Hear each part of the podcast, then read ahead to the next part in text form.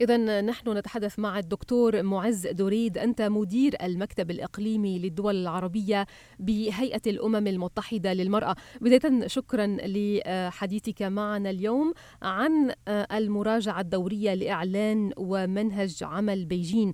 تنعقد المراجعة الدورية لإعلان ومنهج عمل بيجين بمناسبة الذكرى الخامسة والعشرين على اعتماده في عمان.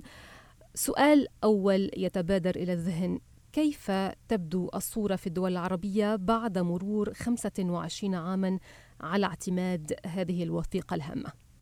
شكرا جزيلا على هذا السؤال وبالفعل أنا أتحدث إليكم من عمان الأردن وحاليا نحن في غمار إصدار إعلان عربي بخصوص ال 25 عاما على إعلان ومنهاج عمل بيجين خلال تلك المدة تقدمت الدول العربية في نواحي عديدة من حقوق المرأة من زيادة إمكانيات المرأة سواء في التعليم أو الصحة وبقيت التحديات الأساسية في مجال الفرص المتاحة للمرأة سواء في المجالات الاقتصادية أو السياسية أو الاجتماعية.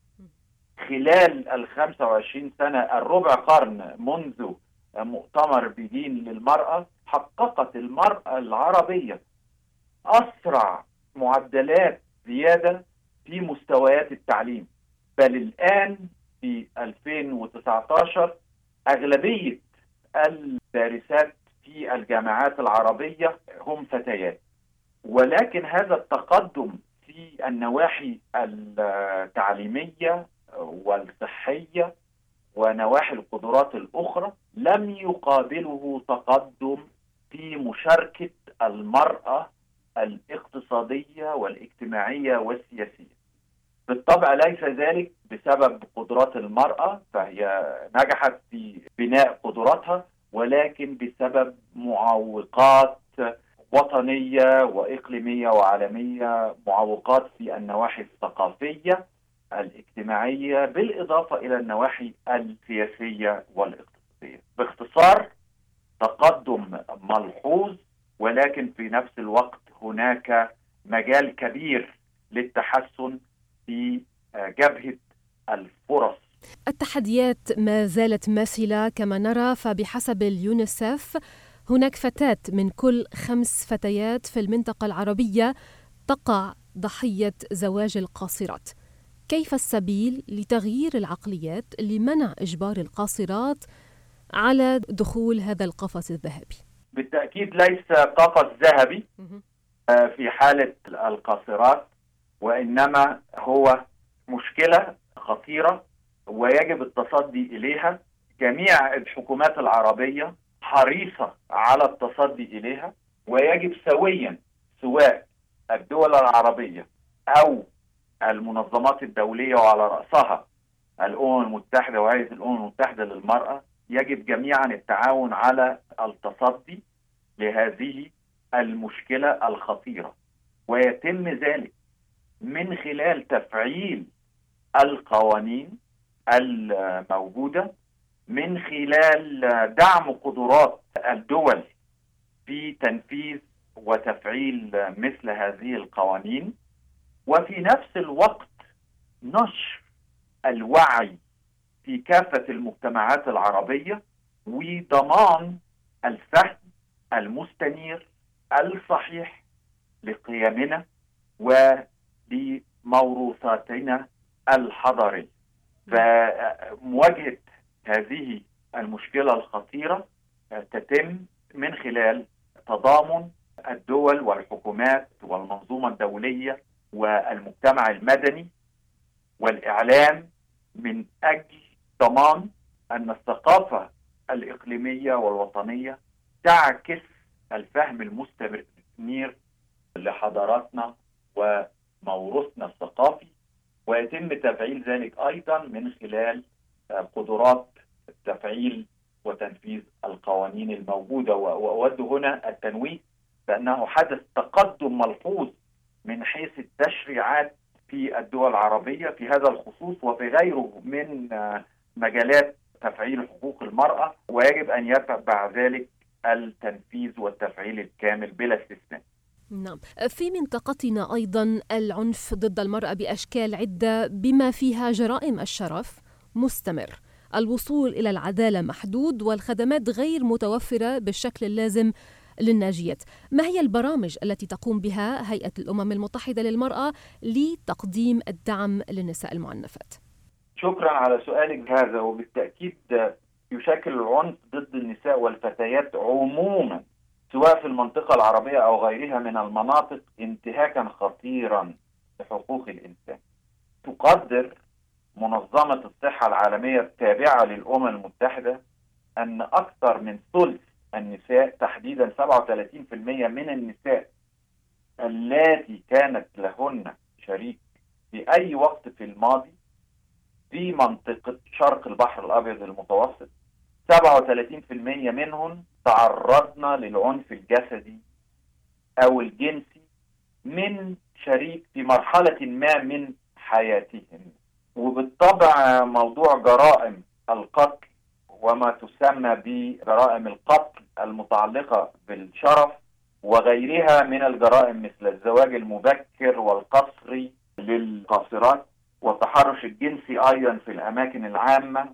تشكل كل هذه جرائم ذات عواقب جسيمة على النساء والفتيات.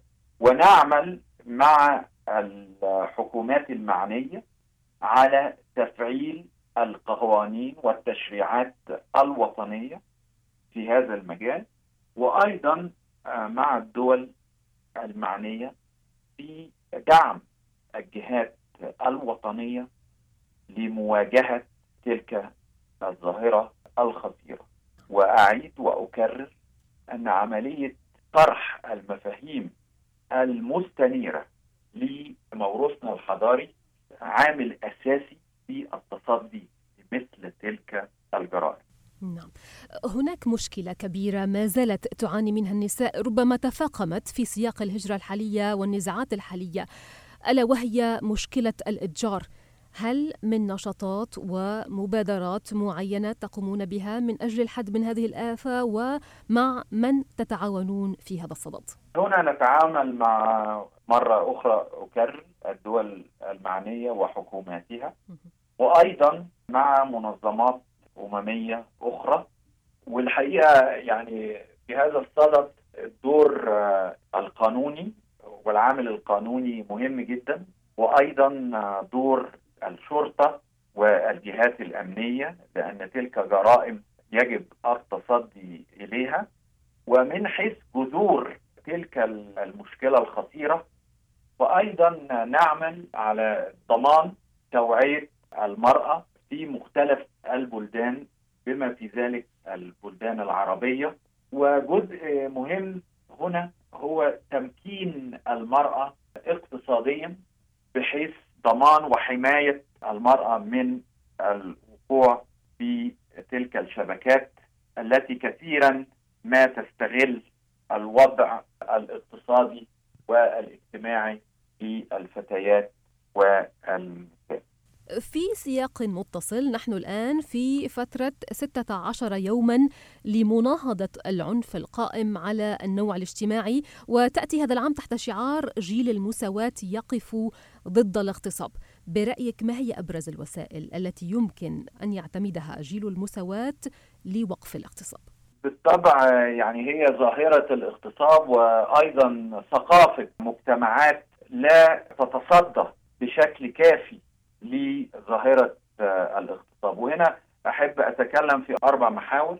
أولها إن أهمية زيادة المساءلة كإحدى الخطوات الضرورية التي يمكن اتخاذها لجعل الاغتصاب بكل أشكاله سواء الاغتصاب في إطار الزواج أو في غير ذلك بجعل الاغتصاب بكل أشكاله غير قانوني.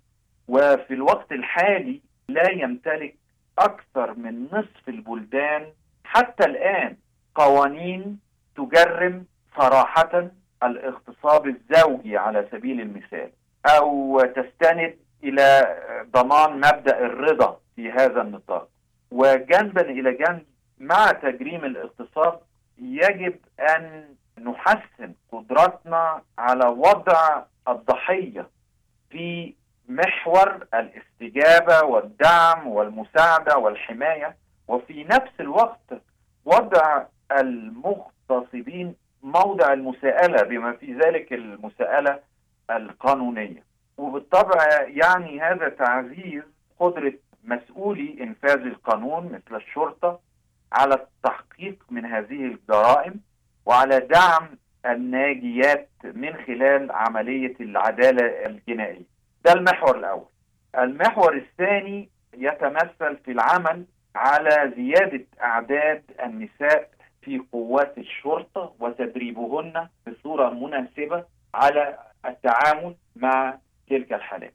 محور ثالث هو إحراز تقدم في التعامل الناجح مع العوائق المؤسسية والهيكلية الكثيرة ومع الأنظمة الأبوية السائدة وبالطبع هناك نمطية سلبية محيطة بالنوع الاجتماعي وتعطي تربة قد تكون في أحيان كثيرة خصبة لتلك الظاهرة الخطيرة.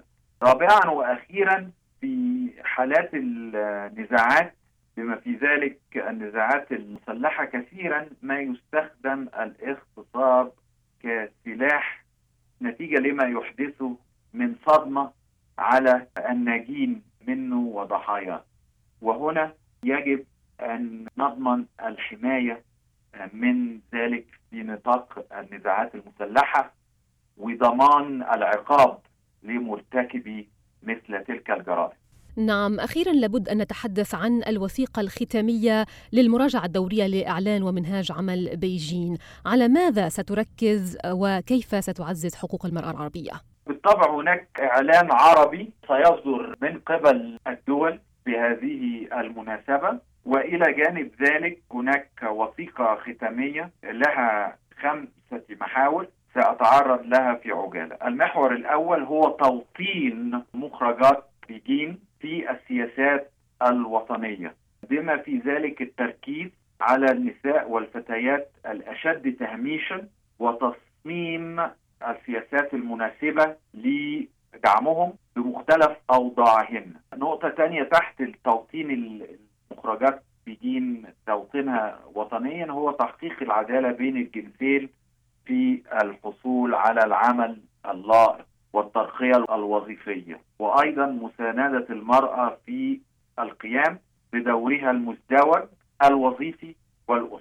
ده محور أول. محور ثاني هو ضمان شمولية الجهود الوطنية في تنفيذ الحماية الاجتماعية بما في ذلك اعتماد معايير لتحديد أولويات العمل بحيث تستهدف الشرائح الاجتماعية الأضعف والأولى بالرعاية بعد آخر تحت هذا المحور الثاني بعد آخر هو اعتماد أسلوب تشاركي عند وضع السياسات والبرامج.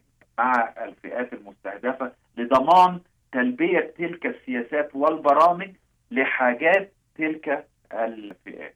بعد ثالث هو حماية النساء والفتيات من العنف بكافة أنواعه وتحت ذلك مواصلة الجهود المبذولة لسن القوانين ولتفعيل وتنفيذ القوانين كما أشار البعد الرابع يختص بحوكمة منظومة المساواة بين الجنسين من حيث دعم الآليات الوطنية للمساواة بين الجنسين توفير الموارد لها للقيام بدورها وأيضا توفير بيئة تمكينية لمنظمات حقوق المرأة.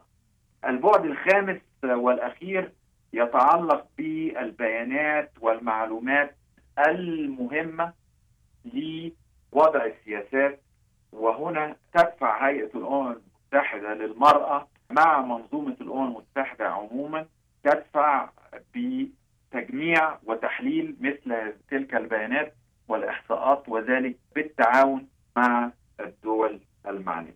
دول كانوا الخمس محاور للوثيقة الختامية الصادرة عن اجتماعاتنا في عمان الأردن في هذا الأسبوع.